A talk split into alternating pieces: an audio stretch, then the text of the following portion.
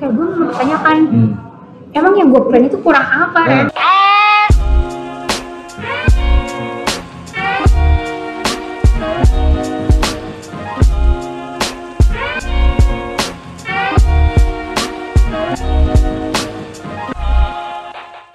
Hai guys, Hai.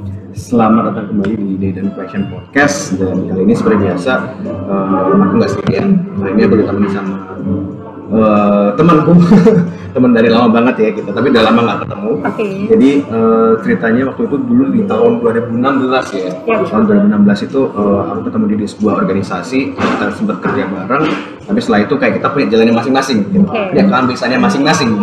Gitu. Jadi ceritanya dia juga orang yang ambis. Gitu. Kalau gitu habis Iya, iya. Ya, jadi ya pendidikan juga aku juga habis juga. Oke, gitu. oke. Jadi langsung aja kita langsung kenalin langsung sama temanku ini, namanya adalah Kathy. Yuk, Hai. yuk kenalan Kathy. Eh, gue harus jelasin apa nih? Eh, terserah nama, mungkin mau kasih tahu status juga boleh, mau eh, kasih clue dikit lagi kerja di mana atau backgroundnya apa, misal gitu. Oke, jadi nama gue Keti Sofia. Lo bisa cari gue di Instagram Keti Sofia. C A T H Y. Oke. Terus abis itu uh, background gue dari psychology. Gue satu kampus sama Randy dulu di Malang. Sekarang kerjaan gue ya related sama psychology. Gue seorang uh, people and organization consultant di sebuah consulting firm di Jakarta. Consultingnya gede guys. Oke. Terus apa ya? Gue ya sehari-hari sibuk kerja aja sih sama Hmm. hangout kalau misalnya Oke. after office. Oke, cool. Jadi fun fact-nya dia juga tadi kan udah, udah bilang ya dia tuh seorang eh, lulusan psikologi juga. Hmm. Jadi kita kali ini bakal membahas sesuatu yang agak berat juga sih, cuman nggak seberat itu karena seperti biasa kita bakal sharing-sharing. Mhm.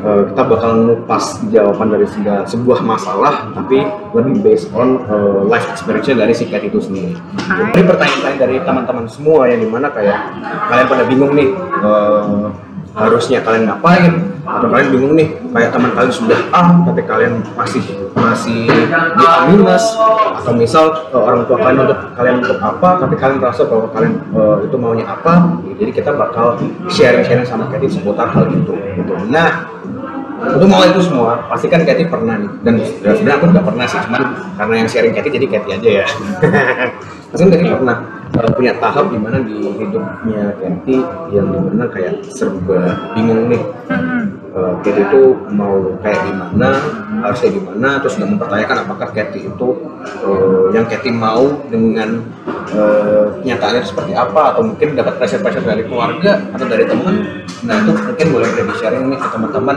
uh, pengalaman sendiri dalam hal menghadapi hal, hal yang seperti itu kayak sebenarnya isu kayak tuh pasti ada ya.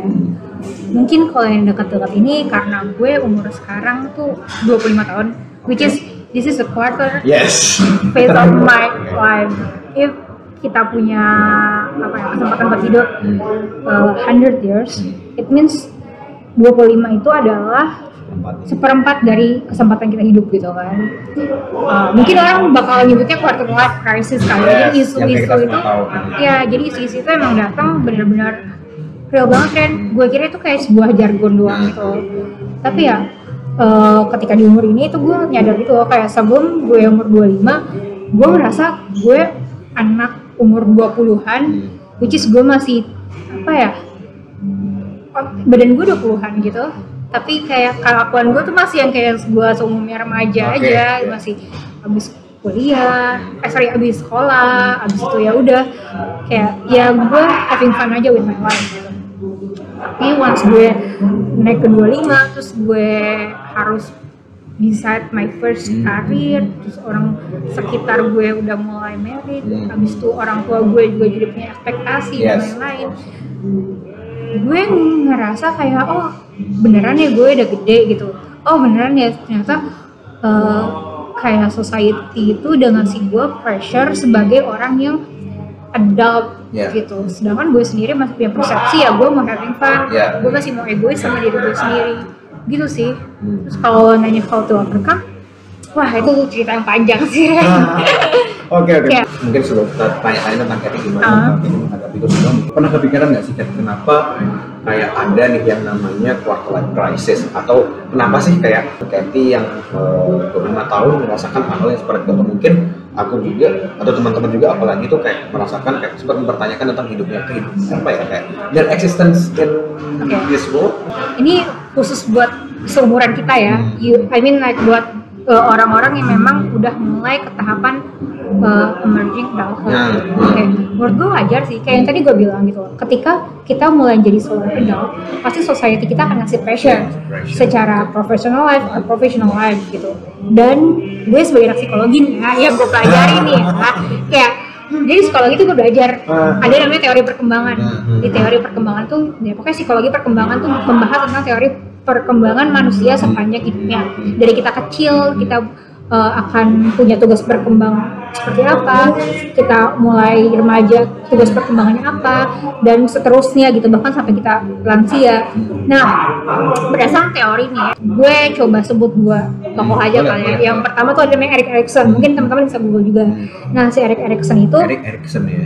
Ya si Erik Erikson itu kan ngebagi tuh um, di fase kita memang jadi teenage dia tuh ada namanya uh, identity versus identity confusion that's why kenapa kita kalau misalnya jadi teenage tuh kayak dibilang masa remaja kita ada masa men- menemukan identitas kita Oke. gitu Ah, kan iya, iya, iya. nah sedangkan kalau kita mulai emerging adulthood uh, Erik Erikson tuh bilang kalau misalnya uh, kita tuh punya tugas perkembangan lain yang tadi kita nemuin identity kita jadi nemuin namanya intimacy intimacy Hmm. Oke. Afeksi dan lain-lain Iya, iya. intimacy versus isolation jadi kalau misalnya lo uh, di usia yang mulai dewasa lo harus mulai merasa kayak aman as in mungkin Hmm. personal life Oke. punya partner Hmm. life Nah kalau misalnya lo tidak memenuhi itu, tidak fulfill your needs, lo akan uh, jadi feeling iso- isolated gitu dari society, dari your partner dan lain-lain gitu. Lo karena dari karena- standar yang sudah dari society kita itu tadi gitu Iya itu kan nggak dari society sih, cuma kayak itu naluri Nah, gitu. oke. You know kenapa? Emang apakah lo sama ini waktu jadi teenage kan lo ngerasa oh gue harus menemukan jati diri? Apakah karena emang digembar-gembar nama jargon? Gak juga kan? Nggak. Karena dari dalam diri Yes, lo ya yes, naturally yes, kayak gitu yes, gitu. yes. Oke. Nah Hmm. itu kata Eric Erikson. Nah ada juga Happy Girls. Nah si Happy Girls ini uh, dia bilang kalau misalnya uh, selama perkembangan uh, adult emang kita punya tugas perkembangan tuh. Yang pertama kita udah mulai harus bisa namanya uh, kayak apa ya settle buat karir, Hmm. first job. Hmm. Terus kita udah mulai tugas perkembangannya adalah mulai membangun Hmm. uh, rumah tangga, menemukan lifetime partner kayak gitu. Jadi memang secara natural pun ya kita juga udah punya dorongan itu. Oke. Nah, belum lagi secara konstruk sosial Hmm, gitu hmm, di hmm. usia segini orang-orang sekitar kita baik dari teman, keluarga Yes. udah ngasih pressure secara Yes. profesional and Hmm. personal life Hmm, gitu hmm. kan. Nah, menurut gue tuh wajar sih bahkan ya Ren yang gue lihat dari riset Hmm. ini gue lihat riset nih dari HBR Hasmas Harvard Business Review Mantap, nah mantap. dari gue di uh, Huh? HBR itu ngomong kayak ngasih survei gitu ke 1000 anak muda Di- mana hasilnya adalah 86% dari 1000 anak muda yang disurvei itu melaporkan bahwa ketika mereka umur 20 mereka mendapatkan tuntutan Tuntutan, sosial yes. dari uh, lingkungannya Lingkungannya mereka. mereka dituntut untuk uh, dari aspek uh, profesional profesional, finansial, Finansial. sama eh, ya, ya itu juga personal gitu mereka hubungan dan dengan Ya. pasangan kayak gitu Hmm. sebelum usia 30 tahun. Oke, Jadi oke. sebenarnya yang sosial konstruk kayak gini tuh gak cuma terjadi di Indonesia doang gitu. Jadi di mana-mana memang Iya. gak cuma kita doang gitu yang Nah, dapat nah, pressure nah. ini gitu. Dan lo tau gak sih Apa? dampaknya apa? Apa? Nah dari research itu juga Apa?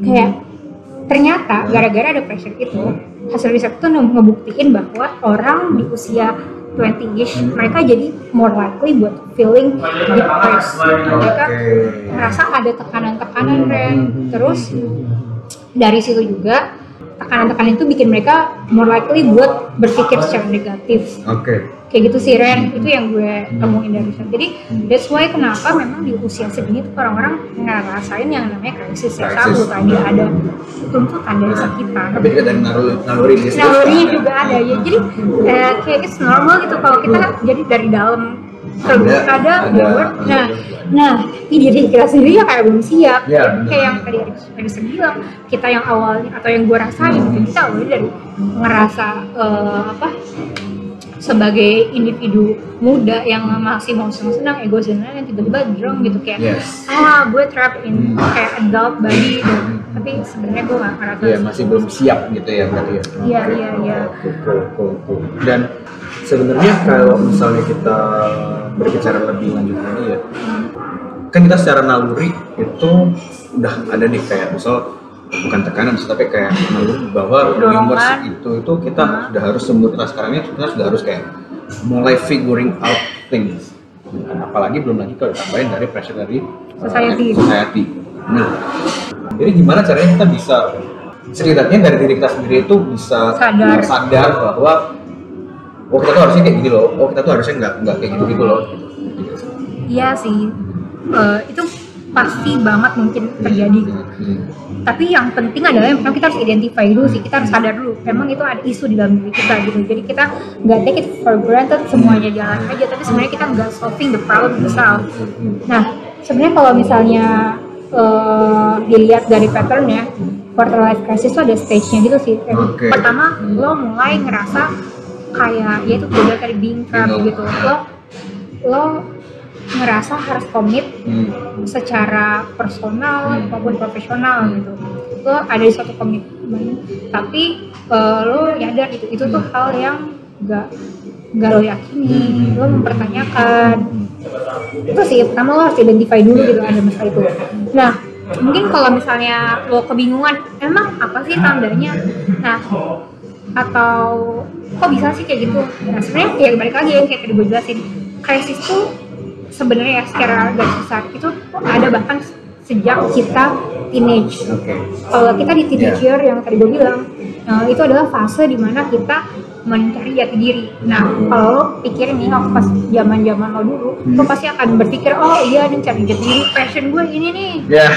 Gue gede akan Oke. jadi ini nih Oke. nah dulu lo bisa punya keinginan itu tapi itu semua di delay lo boleh delay decision lo Kita cuma kita cuma wondering aja gitu. Iya. Oke. Lo nggak mesti nentuin, tapi Hmm. ketika di usia ini lo punya urgency Hmm. untuk nentuin Oke. karena emang udah fasenya lo udah graduation, lo sudah di ada apa ya, lo udah punya first job lo, lo udah punya tekanan untuk melakukan suatu komitmen secara personal. Karena sebenarnya ya krisis tuh bisa macam-macam gitu. Kalau misalnya di sini lo nggak selesai, lo juga akan lagi nanti ada krisis gitu di usia. Lo ya, ini kan quarter life crisis, ada lagi midlife crisis. Nah, Oke. di midlife, di midlife crisis tuh kayak lo akan mempertanyakan lagi nih ketika kemarin gua quarter life crisis gue yang tadinya punya punya pas gue masih teenage gue punya ambisi oh ini sesuai passion gue gue akan berkarya gue akan jadi orang yang, bekerja Ya. atau gue akan jadi seseorang yang Oke. sesuai sama passion gue tapi ketika gue di quarter life crisis di sorry di quarter life uh, years gue gue malah ngerasa kok gue yang gue cita-citakan tuh ternyata nggak kayak gitu ya ternyata dunia itu nggak senaif Nggak segampang itu itu. Yes, yes, yes. Nah, ternyata kok ini yang yang gua kira dulu umur 25 tuh gua akan gua akan merit, gua akan punya eh, rumah bagus segala macam.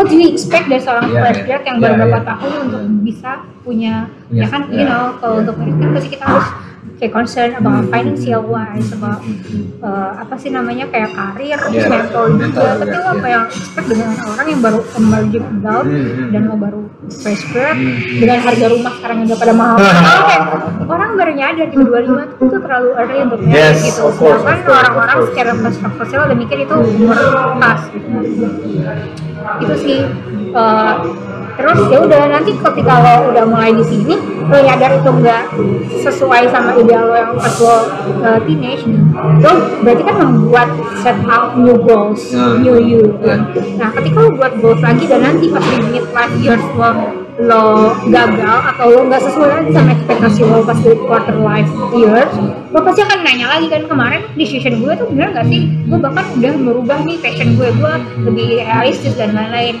Nah lo ntar akan ada krisis lagi gitu. Nah nanti kalau misalnya di mid year lo akan belok lagi nih lo akan ganti lagi ekspektasi lo jalan hidup lo keputusan lo. Nah itu akan berdampak lagi ketika lo nanti tua lansia. Dan itu kan ya lo akan mempertanyakan lagi kok sekarang gue tua kayak gini ya gitu itu pasti akan ada fase krisisnya Oke. bahkan kalau gue tahu dari teori psikologi itu kayak ada namanya self aktualisasi Hmm. biasanya kalau orang-orang yang sudah mencapai misalnya dia sudah tua dia udah mencapai semua yang dia inginkan dia sudah banyak berguna baik di banyak Hmm. orang dia udah ngerasa fulfill Hmm. dia feeling content Ah. dia akan ngerasa gue mencapai self actualization gue gitu Ah. tapi kalau misalnya orang yang nggak mencapai itu di usia tua dia bakal sebaliknya gitu bakal nyesel bakal segala macam Hmm, ya. kayak kenapa gue hidup kayak gini Hmm. gitu gitu that's why kenapa orang tua bisa lebih sering nasihatin kamu jangan kayak gini ya nanti Hmm.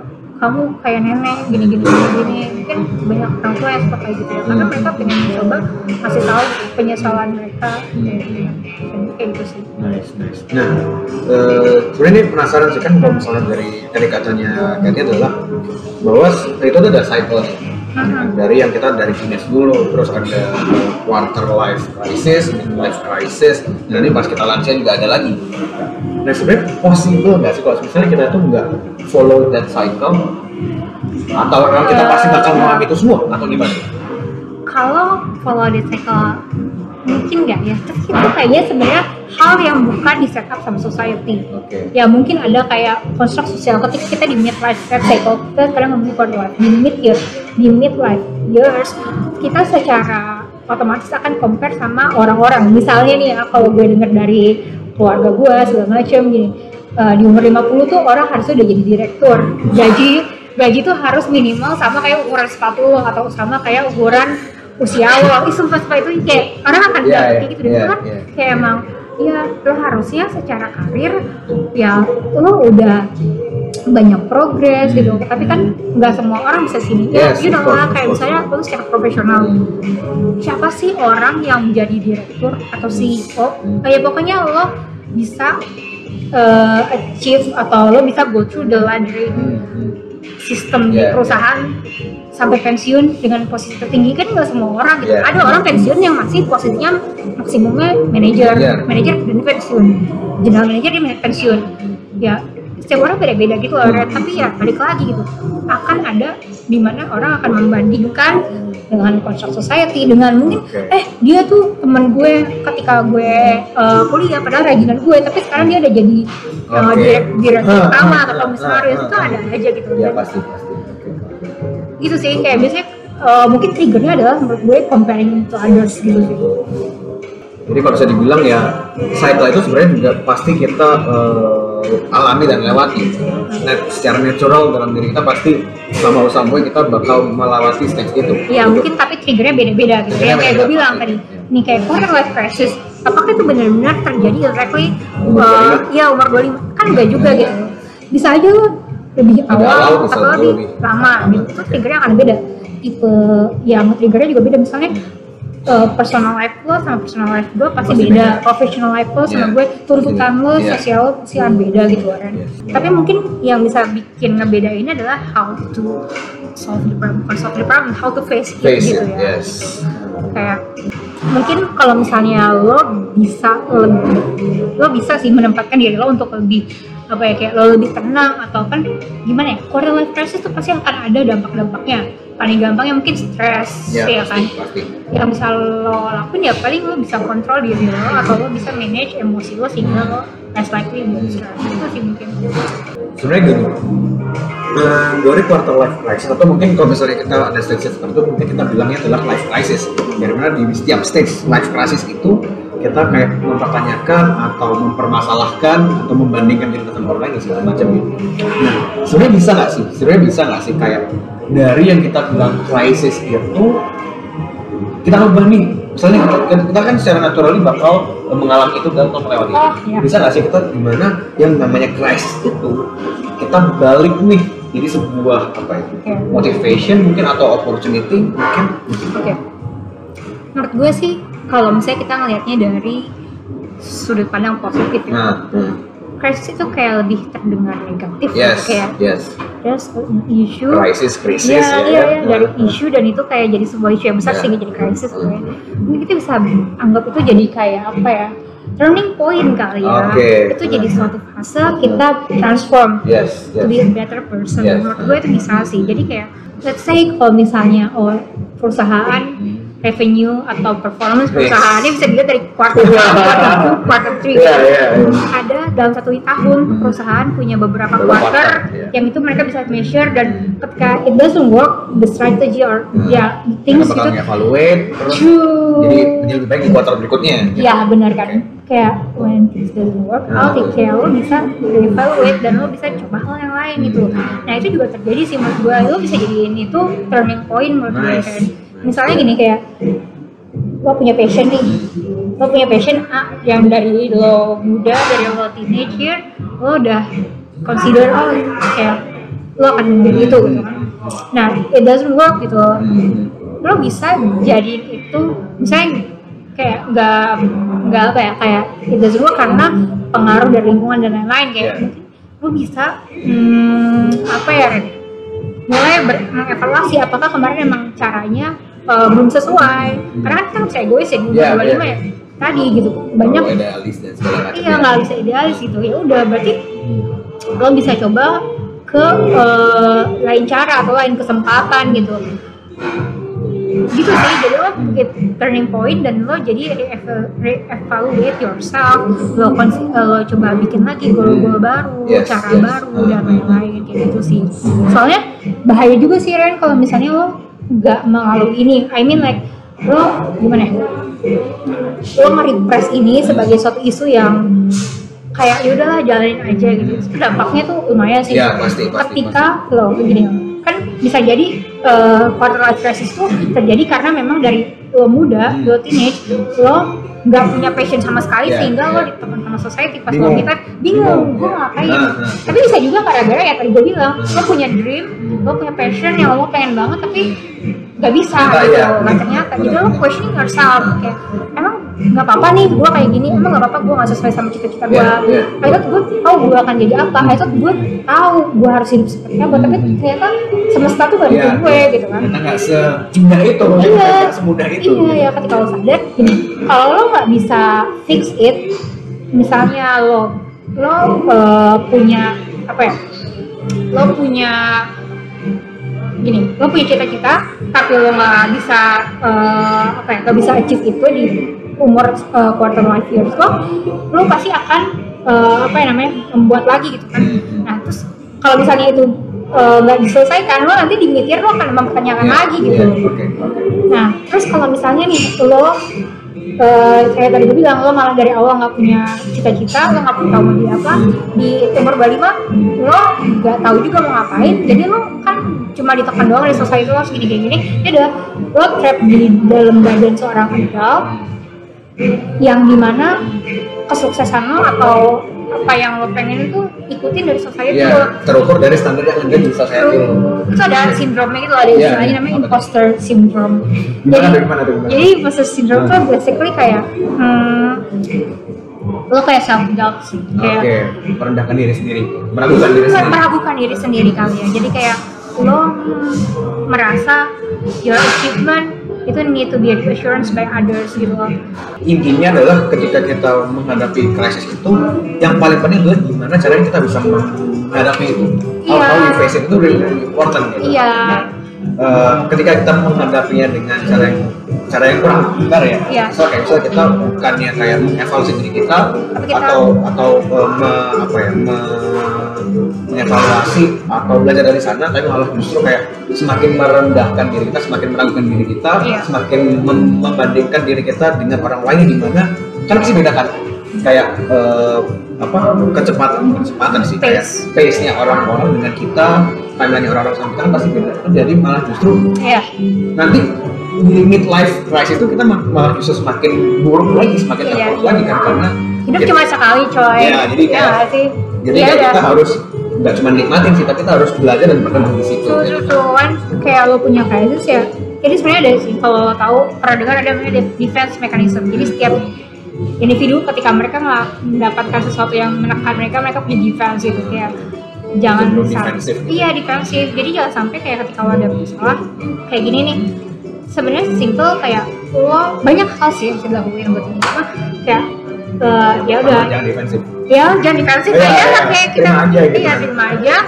Nggak mesti ngefans ya banyak sih cara yang mungkin sih kita bisa ngomong gitu ya. Gitu sih. Karena yang kan eh, dibilang kan ujungnya kan lead to another problem in another year Oke, nah tadi kan Kenny sempat di awal sempat bilang bahwa uh, Kenny sempat ngalamin maksudnya ngalamin, sempat merasakan segala hal yang berbau-bau mempertanyakan atau yang mungkin ya quarter life crisis lah. Iya. Nah, uh, sedikit singkatnya aja nih Hmm. kemarin uh, yang benar-benar yang dialami Kenny itu seperti apa, Hmm. terus sampai bisa keluar dari sana itu apa yang sih yang Kenny lakukan? Uh, gue perlu cerita dulu kali ya Gak apa-apa, kan aja. Oke. jadi gue sebenarnya gak nyadar itu krisis sih Nah, nah, nah. regardless umur gue Iya, iya, iya, iya. cuma gue nyadar aja kalau misalnya gue dari awal tuh dari gue masih kecil Hmm. saya dari gue umur SMA gue tuh udah punya kayak cita-cita gue Hmm. udah tahu gue mau jadi apa gue udah punya tahu plan kayak mungkin kalau gue orang pemerintahan gue tahu RJPP gue tahu Yes. rencana jangka panjang Oke, oke. kayak Lima tahun plan depan gue kayak gimana? gitu. satu tahun ke depan Nah. lima tahun ke depan sepuluh tahun ke depan sama sama sih. ya sumpah Ren gue tuh bahkan ya Ren setiap tahun tuh gue selalu membagi diri gue benar-benar jadi empat quarter Oke, yes, gue yes, yes. punya yes. kayak setiap tiga bulan gue pasti punya signifikan progress Ah, di hidup gue yes, gitu yes, kan yes, yes, yes. nah gue punya ultimate goals dan setiap every single step yang gue ambil itu pasti akan lead to my goals Ah, yes. gitu itu akan jadi stepping stone Nah, gitu. hmm, hmm. Nah, gue pikir kan gue tahu ya Ren apa yang gue pengen. Gue pikir kok gue punya path yang jelas Nah, apa yang gue yes, pengen. yes. Terus Tapi- gue lulus nih Ren. Oke. Eh, Nah, bentar, bentar, stop, stop. Jadi kayak ini ya lulusnya cepet banget guys. Gak sampai tiga setengah tahun udah lulus dia, saking pinternya, Nah, saking tetatannya, saking ya, gitu-gitunya. saking gue udah tua, jadi eh, saking gue ya, udah tua dan gue punya motivasi. Oke, oke, oke. Ya, terus Ya, lanjut. ya long story short pokoknya gue lulus tuh umur gue 24 tahun guys, lama banget kan. Itu motivasi gue juga sebenarnya karena gue tahu benar kayak yang kata HBR bilang gitu. Gue punya goals yang gue sebelum umur 30 gue harus udah achieve ini, Iya, ini, iya, ini. iya. Gue umur 24 ya, gue cuma tinggal punya 6 tahun lagi Hmm. buat achieve stable as in Oke. financial Hmm, wise, hmm, hmm. terus apa kayak Hmm. romantic Yes, relationship. yes, yes. Itu kan gila gak sih Ren? Lu Iya. pikir aja gitu kan. Oke, oke, oke. Nah ya udah kan, Terus gue lulus dong Ren. Gue pikir kan gue tahu ya. Gue pikir gue, oh gue lulus cepat. Oh gue abis ini punya masa depan yang cerah dan lain-lain. Terus tuh gue lulus nih. Ternyata Ren dunia tuh wah Jauh lebih keras di belakang keras ya. banget gitu loh. Kayak gue punya plan, tapi nggak selalu plannya itu sesuai sama yang gue pengen. Mungkin karena dulu gue kuliah, Hmm. apa yang kita pengen, apa yang kita uh, usahain, itu kelihatannya tuh langsung gitu, Yes, yes. bukan instan. Nah, Sekarang gue kerja keras, Hmm. emang kan langsung ada instan money gue langsung Yeah, jadi miliarder, yeah. enggak. Dulu gue kerja keras, nilai itu langsung dapat. Iya, iya. Gue kerja maksimum pasti gue akan dapetin, tapi ini enggak juga gitu. Yes, yes, yes. Terus ya itu tadi mungkin dari secara uh, karir juga gue tuh dulu pengen banget misalnya jadi posisi yang gue pengen ini, jadi gue pengen banget jadi konsultan. Hmm, hmm. Ini perusahaan yang gue pengen banget, posisi yang gue pengen banget. Terus ternyata Ren, Kenapa? Gue nyadar gitu loh Ren, orang-orang yang ngincer posisi ini tuh Hmm. banyak banget dan bahkan mereka Iya, iya. lulusannya tuh yang keren-keren Yes, gitu dari yes, Ivy. League dan lain-lain. Kayak gue, nih, Minder. hmm, minus sih, ya, ya, gue pengen inferior pastinya. gitu kayak eh, apa yang gue usahain tuh nggak cukup gitu. Eh, apa yang jadi modal gue ketika lulus itu nggak cukup Ren. Terus ya udah kan. Gue pikir gue akan cepet lulus cepet kerja cepet mulai rintis yang harus gue perjuangin. Ternyata enggak. Gue bilang yang kayak gue cita-citain kok ini? Sedangkan orang-orang lain sekitar gue tuh udah pada kerja. Yes. gue sendiri kok kayak susah banget. Nah terus habis itu kayak umur gue teman-teman gue tuh rata-rata udah nikah segala macam nah terus ya even gue punya pasangan pun nggak mungkin gitu gue cuma modal cinta doang gue langsung nikah itu nggak mungkin banget yes. kan kayak masih ada banyak hal yang harus Ya, gue true banyak yang harus gue Hmm. capai Hmm. banyak yang harus gue punya Ya, baru ya. gue bisa Berpikir ke sana. berpikir ke sana gitu Ya. tapi kayak kok teman-teman gue udah pada kayak gitu Hmm. terus orang tua gue juga kok udah mulai yang kayak ke arah-arah ke arah Ya. sana sedangkan gue sendiri nggak Ah, siap ah, gitu iya. gue pikir hidup gue akan semulus itu Hmm. gue pikir di umur gue 25 ini udah kayak much better segala macam Tapi kan nggak butuh satu tahun gitu Iya, iya, iya. terus ya udah deh itu sih yang gue rasain banget kayak eh, apa ya banyak kan sekolah, sekolah juga sih Ren. Jadi kayak gue pikir dapet sekolah tuh gampang. Gue tadi tadi oke FYI gue kayak mikirnya eh, karena gue tahu nih buat dapet posisi yang gue pengen ini gue tuh cukup idealis sih. Gue pengen gue amat gue maunya posisi yang gue pengen ini gue gue pengen yang perusahaan itu ini. Iya. gue bahkan gak kayak kerja cuma di situ doang gitu. Ah, ah, ah. Terus sebenarnya itu nyiksa gue juga Ren. Nah yang lain tuh. Ya gue gimana ya gue waktu itu mikirnya gue bukan pengen uang ya gue Ah, bukan pengen asal kerja gitu. Tapi sedangkan di luar sana tuh mikirnya ya lu lulus ya lo kerja Iya, gitu. iya, regardless iya, apa pun benar, benar. profesinya yang penting lo dapet uang lo bisa give back to parents. Hmm, tapi kan gak gitu juga Yes. gitu kan. Gue masih punya apa yang gue pengen. Gue jadi questioning myself emang gue salah ya punya Iya. cita-cita ini? Ah, emang sekarang salah ya kalau misalnya gue cuma apply ini? kayak gue mempertanyakan Hmm. Emang yang gue plan itu kurang apa Ah, Ren? ah, gue ah. kurang gue kurang apa lagi gue bahkan udah bikin plan yang kayak gue harus punya modal ini ini ini untuk gue bisa dapet posisi ini Yes. Hmm. ya ampun Ren sedih deh sedih aja gitu kayak kok orang-orang kayaknya nggak se ngotot itu Yes. ya nggak se tapi mereka dapat kerja yang oke Nah. kayak apa ya well paid Hmm, hmm, hmm. hmm ya udah akhirnya waktu itu gue mikir sih dampak terbesarnya adalah emosi. Ya, itu pasti, stres pasti, itu pasti, pasti, banget sih. pasti. kayak gue refleksi banget sih dan kayak gue setahun lulus tuh bener-bener ngerasa yang kayak gue belum apa-apa. Itu stres banget sih. Apalagi gue comparing with others. Yang pasti gue sih, bilang pasti. dari gue lulusnya cepet tapi kok sama orang lain yang lulus cepet? Gue normal kayak hokiin orang lain lain. gitu gue kan masih gini doang gitu. Itu sih stres emosi. Terus kayak gue kayak hidup yang apa ya you know kayak punya tekanan terus habis itu kayak gue tahu setiap hari gue kayak ngerasa ini gue beneran pengen ini ya oh belum Iya, iya. sebenarnya ujungnya gue dapet yang gue pengen tapi itu lama banget Lama banget, ya. lama banget gue kayak eh, akhirnya karena gue tahu itu nggak gampang jadi kayak gue tetap ngincer eh, apa perusahaan itu tapi gue coba di departemen lain dulu Oke. yang ujungnya gue rasa itu emang uh, beneficial juga untuk gue in long run karena gue Oke. punya ultimate goal sangat lebih besar Ah, dibandingkan ah, saat ini mungkin gue akan pengen di sini tapi Ah. in long run gue punya ultimate goals yang Hmm, ujungnya untuk mencapai titik ini juga gue butuh modal-modal lain yang Ya, harus gue pasti. Hmm. akhirnya gue di departemen itu dulu tuh Uh, terus habis itu sambil nunggu posisi yang ini tuh buka gitu sambil nunggu posisi ini buka akhirnya pas posisi ini buka gue dapet kesempatan jadi gue sempet 4 bulan di perusahaan itu tapi bukan di bidang yang gue pengen. Oke, oke jadi kayak nice, nice. Oke. ya saat itu gue hmm, mempertanyakan sih kayak eh gue tuh udah pengen yang ini dari dulu. Kok bisa kok, gue cuma jadi yang ini gitu? Saya kok gue malah jadi bukan cuma jadi yang ini sih cuma kok gue malah jadi lari kayak yang lain. Gue Iya, takut banget iya. gue keluar dari jalur yang gue Ah, pengen. ah, gitu sih. Tapi yang gue pelajari kita nggak bisa sih terus-terusan idealis gitu. Benar, benar. Kadang-kadang ada hal yang bisa eh, lo kontrol yang nggak bisa kontrol Ya, benar pasti. kalau baca tentang stoicism itu tuh Hmm. ini banget kayak Hmm, hmm. lo harusnya kayak gue sih mikirnya kita fokus aja sama yang kita kontrol saat ini gue bisa sini oke ketika gue ada opportunity lain yang bisa gue kontrol ya gue akan kejar itu Ya, tapi ya nggak sekarang gitu jadi saat itu kan gue sangat compare sama orang yang Hmm. gila mereka langsung dapat permanen job mereka langsung dapat gaji yang Oke. well paid sedangkan gue nggak kayak gitu gitu kayak gue tahu idealis tapi gue malah trap di ini ya udah gitu ujungnya ya udah gue mikirnya ya udah fokus sama yang gue kontrol aja ya. Emang waktunya nggak sama timeline mereka nggak belum tentu sama sama timeline Iya, kita. iya, iya. gitu sih. Itu kalau secara ketika things doesn't work yang gue pikirin itu sih kayak oke gue udah mulai self reflect aja. Gitu Eh, mungkin belum saatnya yang penting kan gue punya ultimate goals. Iya. ini bukan berarti gue give up sama my dream tapi ada cara lain ada waktu lain kesempatan lain mungkin. Terus abis itu yang apa lagi? Ya? Eh, ya itu gak gak berpikir yang kayak selalu negatif. Gue gue kayak gini gue kan sempat pikir gitu kayak ah ini gue salah apa lagi sih? Gue kurang apa lagi? Gue kurang uh, prepare apa untuk gue dapetin itu? Emang gue gak deserve gitu.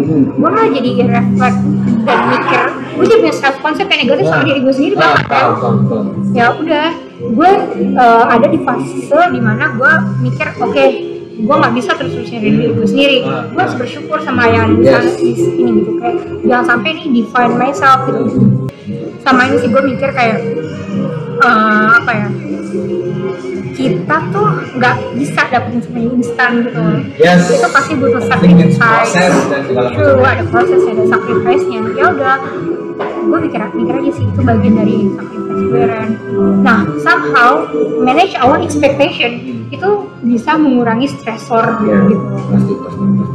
itu kan secara ekspektasi ya satu sih gue jadi ya udah mulai ya mulai adaptif aja. Ya itu sih selain adaptif yang kayak yang hal-hal yang gak realistis tuh udah gue singgung. Jadi lebih apa ya ya udah lo ada di depan apa lo hadapin yang di depan. Nggak usah mikir yang Yang lain-lain dulu. hmm, itu sih gue terus yang kedua Nice. secara emosional nih ah. kan tadi gue bilang gue stres banget tuh Ren Hmm. gue bahkan punya emosi yang gue gak bisa define bahkan gue tuh kayak bener-bener depresi banget terus yang gue lakuin adalah gue mulai tracking emosi gue Ah. gue identify my emotion gitu kadang-kadang karena gue emosi gue de- gue depresi dulu nih Hmm. gue pusing kayak semua semesta nggak mendukung cita-cita Ah, gue ah, ah. semesta malah ngasih tekanan gue sedangkan ah. masalah gue aja tuh belum selesai Yes, gitu yes, yes. terus ya udah gue depresi ujungnya tuh ke emosi gue nah ketika gue punya emosi-emosi yang negatif itu gue tuh cenderung jadi overreact gitu loh Oke. impulsif Ah, benar. dan lain-lain Kayak Terkadang emosi yang muncul tuh yang sebenarnya nggak perlu gitu kan. iya nah sedihnya adalah ketika gue overreact itu itu bukan bikin masalah jadi selesai tapi itu Tapi malah, memperburuk ya. jadi ke mana-mana gitu loh terus yang gue lakuin adalah ya udah gue kayak identify emosi gue jadi gue sampai sempet ke psikolog kan Sumpah, Sempet- sempet- sempet- seorang psikolog ke psikolog. Iya. ya terus sampai dari psikolog karena gue apa ya eh, gue alhamdulillahnya cukup conscious dengan apa yang terjadi di Yes. hidup gue gitu Yes. karena ya gue bilang tadi gue selalu tracking progres hidup dan lain-lain gitu tapi kan gue juga You need help gitu lah ya. I need help ya kan me- mental health apalagi Hmm. gitu gue gak tahu nih kenapa apa yang salah dengan Hmm. well-being gue Hmm. gue merasa berusaha tapi kayak gue ngerasa selalu gak cukup dan apa yang gue usahain tuh gak langsung instan yang kayak Iya, gue bilang iya, tadi iya, iya.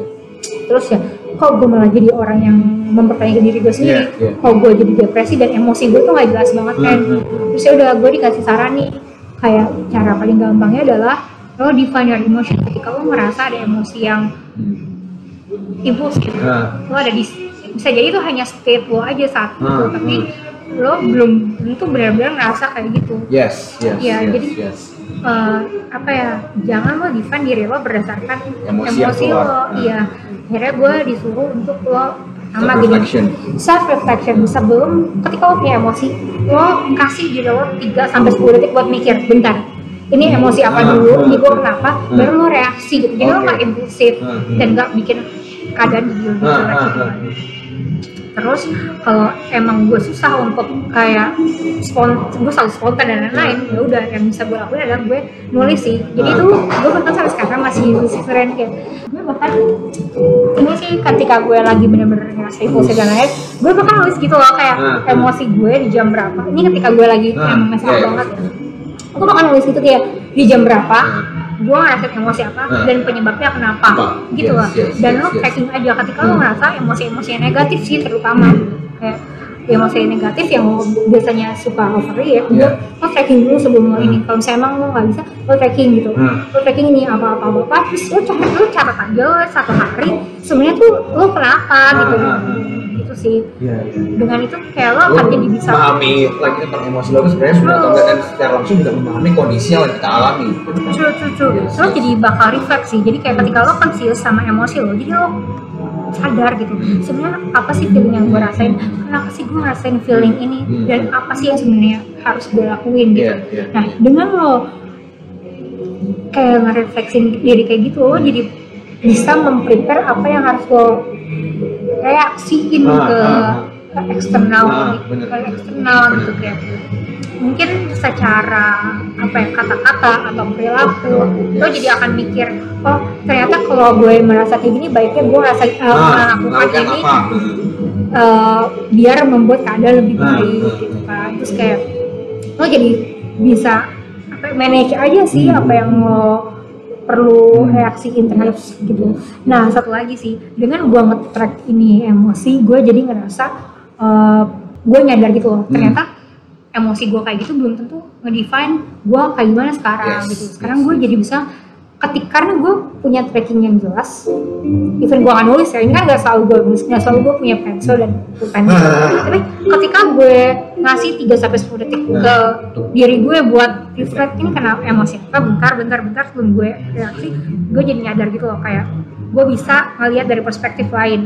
Ketika gue emosinya nggak kekontrol itu, itu kan bakal jadi lebih depresi lagi ya kan? pasti pasti. Nah, tapi ketika gue ng- ngelihat dulu, tunggu dulu, itu tuh gue bisa ngeliat dari perspektif positif.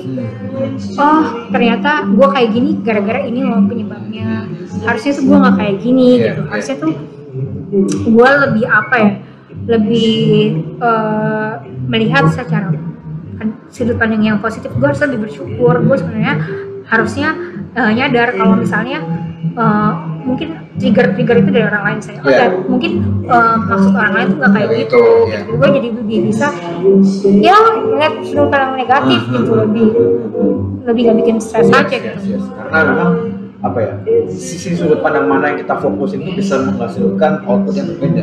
Kalau misalnya kita fokus ke apa yang menyakiti kita, apa yang apa ya lebih fokus ke painnya, ya kita bakal merasa itu sebagai sebuah beban. Tapi kalau misalnya kita merasa itu adalah kita fokusnya adalah ke apa yang kita pelajari atau apa mungkin hal kecil yang sudah kita dapat tuh bisa kita pasti lebih bisa apa ya grateful menghadapi hal yang kita lagi Iya, hadapi iya, itu. iya, dan satu lagi sih ya, ketika gue ini, terus gue juga sambil baca buku kan waktu itu Gue sambil baca buku tentang stoicism gitu, ujungnya gue jadi kayak lebih ini sih, apa ya, eh, ketika gue ngeliat dari perspektif positif negatif, gue jadi nyadar gitu loh, kayak, eh sorry, ketika gue lihat dari perspektif positif, gue lebih nyadar gitu loh, kayak, oke, eh, gue bisa lebih positive thinking, dan gue bisa nentuin eh, decision atau reaksi Hmm. yang memang eh, apa ya bisa gue kontrol Iya, gitu gue iya. nggak maksain Iya. dan lain-lain gitu gue jadinya apa ya sama tuh outputnya jadi positif juga Hmm, buat orang hmm. yang ngedengerin gue Yes, buat orang exactly. yang Hmm. Ya buat keterangan gue Iya, dan buat iya. orang lain juga Hmm. yang ngeliat gue gitu loh Hmm. dan itu sih menurut gue sangat sangat ngebantu banget Yes, course. buat nge- ngurangin iya, depresinya depresi, kayak gitu iya. sih apalagi ya sama satu lagi sih mungkin kayak sama gue ngerasa selain karena ekspektasi diri kita sendiri yang nggak sesuai eh nggak yang nggak bisa kita dapetin karena nggak sesuai sama keadaan hal yang mungkin kita eh, tertekan di fase quarter life years ini iya. adalah karena kita karena society karena kita banyak Ah, yes, yes. ke others nah ya gue juga cukup apa ya gue cukup orang yang kayak wah anjir di LinkedIn orang udah nyampe mana nih gitu. Wah, karena kan ini orangnya ambis banget guys Wah, kayak gitu ya. Kayak aku di LinkedIn udah nyampe mana gitu. Ah. Gila dia umur 24 udah dapet uh, udah dapet degree 3 Ah, gitu ah, kayak ah. dia udah dapet kerja di kayak dia Apa, di mana, gimana gitu gitu ya. kayak kes, gila ada gaji double Ah, digit gitu ah. kayak anjir gitu dia dapet 30 juta dia umur 23 tahun gitu kayak oke oke gue bahkan siapa gitu nah, Hmm. Nah di Instagram kayak wah orang sekarang kelasnya udah nggak beli yang kayak Hmm. uh, Oke. fast fashion lagi mereka udah nggak nggak Oke. pakai Zara udah nggak pakai H&M wah gila mereka udah pakai tasnya yang udah gila-gilaan gitu kan kayak oke uh, gitu kayak nah mungkin itu sih gue mikirnya ketika LinkedIn dan Instagram nggak bisa jadi motivasi gue bukan jadi ngasih positive state ke diri gue ya udah gue harus pergi dari situ maksudnya gue harus Iya. avoid Hmm. uh, si social media Iya. ini gitu dan gue jadi percaya gitu sih satu kayak ketika gue nyoba kayak gue nanemin sih ke diri gue oke kayak mungkin gak sekarang gitu. Lo gak bisa define siapa lo dari orang sekarang. lain, bisa jadi fasenya orang lain. iya bisa jadi karena fasenya emang beda. Hmm, bisa yes, jadi bisa. bisa jadi karena sacrifice-nya beda. Mungkin mereka struggling. Hmm, tapi mungkin lebih awal mungkin oke ya. atau enggak mungkin nggak ditunjukin. Iya, mungkin ada tunjukin juga dan ya. itu nggak bisa teridentify dari profile Iya, LinkedIn iya, atau iya. Instagram Instagram, feed yes. ya nggak sih? Kayak gitu. Mereka pasti setiap orang punya fasenya. Mereka pasti punya struggle-nya. Mereka pasti Yes. struggle nyari kerja pasti Yes, yes. mereka pasti struggle nyari pasangan buat Yes, hati mereka juga yes. pasti struggle dengan finansial mereka juga pasti setiap orang sekaya apa pun punya fase nggak punya uang punya fase Hmm. butuh ya, kayak banyak billing dan mereka tapi terbatas uangnya pasti ada itu sih yang bikin gue coba buat lebih apa ya ya selain manage ekspektasi gue dan terlalu idealis dengan cara oke gue punya ultimate dreams tapi caranya lain terus gue juga mulai manage emosi gue secara depresi gue sama yang terakhir terus sih kayak udahlah stop comparing ada Ya, gitu ya, of course, of ya course. gitu sih Ya, nice, nice. Wow, jadi lumayan panjang. oh iya iya berapa ya Oke, jadi eh, sebenarnya kalau misalnya kita bisa kayak ya kita wrap up sedikit lah tentang eh, obrolan kita bareng-bareng sama Kelly tadi itu. Eh, sebenarnya yang namanya quarter life crisis dan crisis crisis lainnya kayak teenage crisis terus midlife crisis dan nanti pas lansia tidak ada itu pasti kayak naturally bakalan happen. Naturally bakalan terjadi. Itu baik dari internal maupun dari eksternal. Cuman yang paling penting adalah gimana kita bisa menghadapi eh, itu semua Hmm. cara gimana cara kita menghadapi itu karena kalau misalnya kita cara menghadapinya dengan kita fokus ke masalahnya masalahnya yang namanya quarter life crisis atau krisis yang ada itu benar-benar jadi sebuah krisis Iya. ya, benar jadi suatu sebuah yang negatif tapi Iya. kalau misalnya kita fokus ke sisi lainnya Iya. ini menjadi positif kayak apa yang bisa kita pelajari apa yang bisa kita eh, develop untuk eh, tahap berikutnya atau mungkin apa yang bisa kita ambil dari sana itu kita bakal merasa yang namanya kita sebut sekarang ini krisis bukan sebuah krisis Iya kan, krisis tuh kayak kita bisa jadi ya stuck di krisis ujungnya jadi Yeah. depresi, Yes. ujungnya tadi imposter Yes. syndrome. Yes. Yes. Tapi ketika kita bikin itu jadi suatu turning point, fase yang oke Hmm. buat kita melakukan evaluasi, terus sengaja bisa apa ya berpikir lagi apakah Yes. sebenarnya tujuan gue cita-cita gue itu masih sesuai nggak sih sama keadaan saat ini kita kan nggak bisa egois sama keluarga Yes. kita nggak bisa Yes. egois sama society dan Nah. lain-lain gitu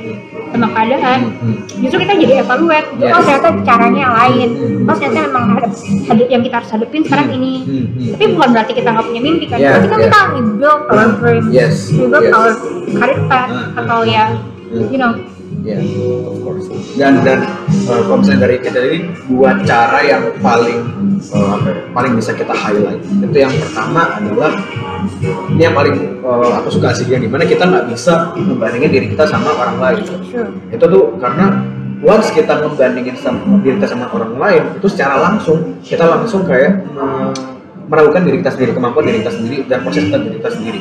Jadi kayak percayalah pada proses kalian sendiri dan uh, Ya. percayalah bahwa ya setiap orang punya fasenya masing-masing. ya, ya gitu kan. fokus on your path aja sih apa yang jangan- harus lakuin di path lo. Jangan, jangan menjustify uh, proses dan fase kalian sama proses yang lagi dialami sama orang lain gitu kan. Dan juga yang kedua adalah kita gimana kita bisa mengontrol emosi kita. Jadi mana kalau misalnya cara kita dia pakai tulis di sini itu biar dia uh, kayak bisa memahami uh, emosi yang lagi dialami itu apakah dia benar atau emosi yang benar-benar uh, gimana benar atau enggak. Dan juga di baik itu juga biar dia bisa paham nih kenapa sih dia uh, bisa emosi, terus uh, alasannya kenapa, terus cara menghadapi kayak gimana gitu jadi nggak impulsif dan Yes. bikin itu jadi jadi jadi makin membebani kita gitu. dan dan juga kalau misalnya kalian nggak terbiasa nulis bisa kayak tadi cara Kathy yang di mana dia nggak nulis tapi dia cuma spend kayak 3 sampai Iya. 10 detik setelah dia merasakan emosi itu dia reflect dulu nih. Oh ini gimana ya emosi yang beneran nggak ya? Eh, emosi yang bener nggak ya? Terus ini terjadi kenapa ya? Gitu. Jadi itu tuh bener-bener apa ya dua poin yang di mana kita bisa bener eh, lakuin dalam hal menghadapi ya krisis ini. Karena kalau misalnya kayak gitu nggak ada yang namanya quarter life crisis nih. Tapi cuma apa yang terjadi di quarter life kita terus kita berkembang dari sana. Gimana? Kan bener kan? Oke. Ada tambahan nggak Kan pesan-pesan terakhir. Pesan terakhir. Pesan pesan kasih ke teman-teman yang lagi eh, galau lagi bingung lagi mempertanyakan dirinya sendiri lagi meragukan dirinya sendiri boleh apa ya? Mungkin lo harus banyak ngobrol sama orang juga sih Ren kadang-kadang kita kayak suka terjebak sama pikiran kita sendiri Yes, kita udah yes. tertekan segala Hmm, macam hmm. hmm, quarter life crisis kan tadi gue bilang ada secara profesional sama Hmm. personal yes yes ketika hal itu datangnya dari secara profesional lo bisa cari nih Hmm. orang-orang yang bisa jadi role model Yeah, hmm. misalnya uh, parents Hmm. lo tanya ke parents lo Hmm. kayak uh, papa mama Hmm, hmm. kalau misalnya gue ngambil uh, decision untuk jadi ini apakah itu masih oke buat orang Hmm. Kalau misalnya hmm, apa ya kayak ini bukan hal yang gue pengen segala macam. Apakah mereka oke kalau misalnya dengan gue ngambil posisi ini atau ngambil keputusan ini apa yang harus gue lakukan sehingga keputusan ini tidak menjadi salah? Atau bahkan gue bisa berkembang Yes. dalam uh, posisi yang gue ambil atau gue jadi apa ke depannya gitu. Gue gue mesti tanya ke parents lo. Kalau nggak bisa nanya ke parents lo bisa nyari role model lain. Misalnya uh, orang yang udah lebih dulu uh, berjalan yang uh, berjalan di path yang lo pengen nih lo bisa tanya ke dia kalau gue saat ini jadi ini dan gue punya cita-cita jadi kayak lo apakah itu possible? In long run uh, gue punya kesempatan itu lagi apakah itu sebenarnya masih align sama cita-cita gue mungkin itu. Nah kalau misalnya nggak kayak gitu lo bisa nanya ke ini sih kayak ke temen juga. Kadang-kadang kita tuh akan jadi orang ketika kita ngerasa susah ketika kita kita ngerasa tertekan. Kita akan ngerasa jadi orang paling susah sedunia kita ngerasa yang sendirian berjuang. Yeah, padahal ya you know gue juga aku ada di fase itu di mana gue kayak ngerasa anjir orang lain hidup gampang banget segala macam gue ngeliat orang dari luar segala macam kan kalau misalnya gue ngobrol sama orang dan lain-lain eh lo waktu itu dari fresh grad ke first job lo sampai settle berapa tahun gue setahun gue setahun setengah ya itu normal Iya, gitu iya, kan iya. dan mereka juga emang itu cita-cita lo bukan kayak gitu Hmm. sebenarnya banyak orang luar sana Iya. yang melakukan kayak gitu Hmm. Kami dan yang bisa lakukan itu sharing sih sama orang seumuran Yes, lo atau orang di yes. atas lo kayak gitu sih kayak lo nggak jadi ngerasa orang yang paling susah sendirian Yes, lo bisa yes. ngeluarin perasaan lo perasaan jadi ya Nah kalau misalnya itu hubungan di relationship, mungkin lo misalnya orang lain udah pada menikah segala macam, lo nggak perlu merasa terburu-buru, atau merasa dikejar deadline dengan orang lain. Ya sama sih kayak tadi lo kan pada sekolah dan lain lo nggak, lo masih punya banyak hidup, banyak usia. Maksudnya ya udah enjoy every single ya moment. ya. Lo nggak mesti gara-gara bukan karena orang-orang yang neken lo. Eh, kayak orang-orang pada nikah kayak lo jadi harus you have to find the one as Ya, soon as ya, possible. ya, ya. bukan berarti kalau saya mau punya hubungan dan pasangan dan Hmm. belum ke arah sana juga ya udah take your time. Ya ya. Kunci itu sih kayak lo coba lebih conscious sama apa yang terjadi di Yes, lo yes. lo coba cari insight dari Hmm. siapa pun lo lebih banyak ngobrol sama orang yes yes. Yang gue lakuin sih kayak abis, abis kayak apa office gue biasanya ajak orang ketemu discuss yes. gitu ya sambil nambah relasi Hmm, juga hmm, kayak hmm. nambah pandangan segala ya macam. ya ya somehow kayak mau orang sekalian apa pun yang kita pikirin pasti mereka akan pernah ada di fase itu. yes yes yes mereka bisa kenapa kita nggak bisa Nah, lewat karena sharing is caring. Iya. Iya ya dan ya itu benar banget sih. Jadi eh, memang kita eh, kadang kita terlalu pede. Misalnya kita ngadepin satu kita kalau misalnya ah masih bisa ngadepin sendiri. Padahal eh, sama sampai kita tentu tentu perspektif dari orang lain gitu kan. Dan dan Iya. apalagi orang-orang yang pernah bisa pernah pernah mengalami itu atau atau simpel dengan eh, peer kita terus kita sharing itu kan ya ada salahnya. Gitu. Kayak misalnya tadi Kathy, eh, Kathy eh, juga sampai ke psikolog Iya, ke psikolog, perspektif iya. juga nggak apa-apa. Itu Iya, tuh karena that's, sekali normal. Iya, it's totally normal. It doesn't mean lo punya kayak mental issue Iya, baru iya, lo ke iya, iya. Enggak gitu kayak kadang kita tuh udah kayak terjebak dalam pikiran kita sendiri. Even gue conscious about myself, gue kan punya framework gue sendiri. Ini perspektif gue Iya, gitu. iya, iya. Tapi bisa jadi sudut pandang yang lebih high level lagi ngeliat itu beda. Yes. Itu sih kadang-kadang kita butuh uh, perspektif lain kayak gitu sih. Yes. Dan misalnya kalau misalnya kalian bingung mau sharing di mana bisa sharing sama Hidden uh, question. hidden question. Jadi promosi. Oke. Jangan lupa ya di, um, di Instagramnya. Iya, di Instagram bisa langsung gitu. Nah, eh, udah guys pesan-pesannya itu aja buat teman-teman. Udah sih. Udah ya? Oke. Oke. Oke, oke. Oke, kalau misalnya gitu aja sebenarnya itu sih yang bisa eh, kita bahas kali ini dan eh, seperti biasa sih kayak kita mau berterima kasih sama kalian yang udah susah-susah berjuang menghadapi hidup tapi pokoknya selalu ingat bahwa setiap masalah yang ada di hidup kita setiap masalah yang kita hadapi di hidup kita itu ada untuk ditemukan jawabannya Yaudah, kalau misalnya nggak ada apa-apa lagi, segitu aja podcast kali ini sampai jangan lupa dipantengin terus pendengar kita di Instagram, di Spotify, di Medium dan segala macamnya dan juga ini soon bakal di YouTube juga ya. Oh ya ini first nih ya. video ya. First video di Ya, YouTube. Jangan lupa di like, Ya. comment, and subscribe guys. Yes. Oh my god, gue udah kayak youtuber banget. gitu, oke, udah. Ya Thank you, sukses guys. terus ya buat Hidden Question. Amin, thank you, Kat. Semoga makin banyak followersnya, makin impactful buat Amin. society Amin. siapa pun itu. Semoga yang kita obrolin juga bermanfaat. Amin pastinya. Oke. Thank you guys. Sampai ketemu di episode berikutnya. Bye bye.